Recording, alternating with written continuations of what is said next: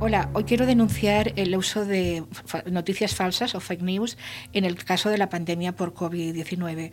Sabéis que la, pandemia está afectando a una cantidad muy importante a la población mundial, aproximadamente 30 millones, con un millón de muertos en este momento, y la aparición de noticias falsas lo que hace es desanimar a la población y además crear eh, foros donde se desestima las necesidades de, utilizar los mecanismos de, salud pública para, para, para tratar esto.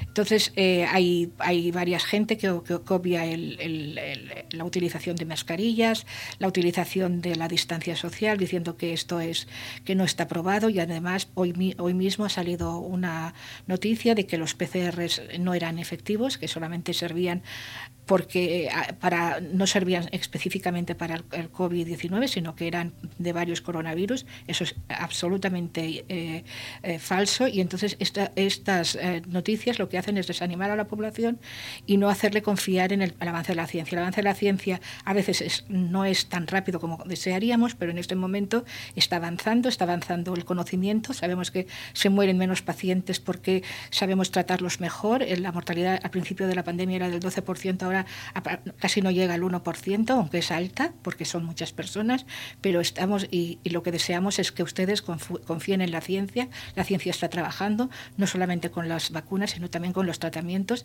intentando llevar a mejor puerto toda esta, toda esta pandemia.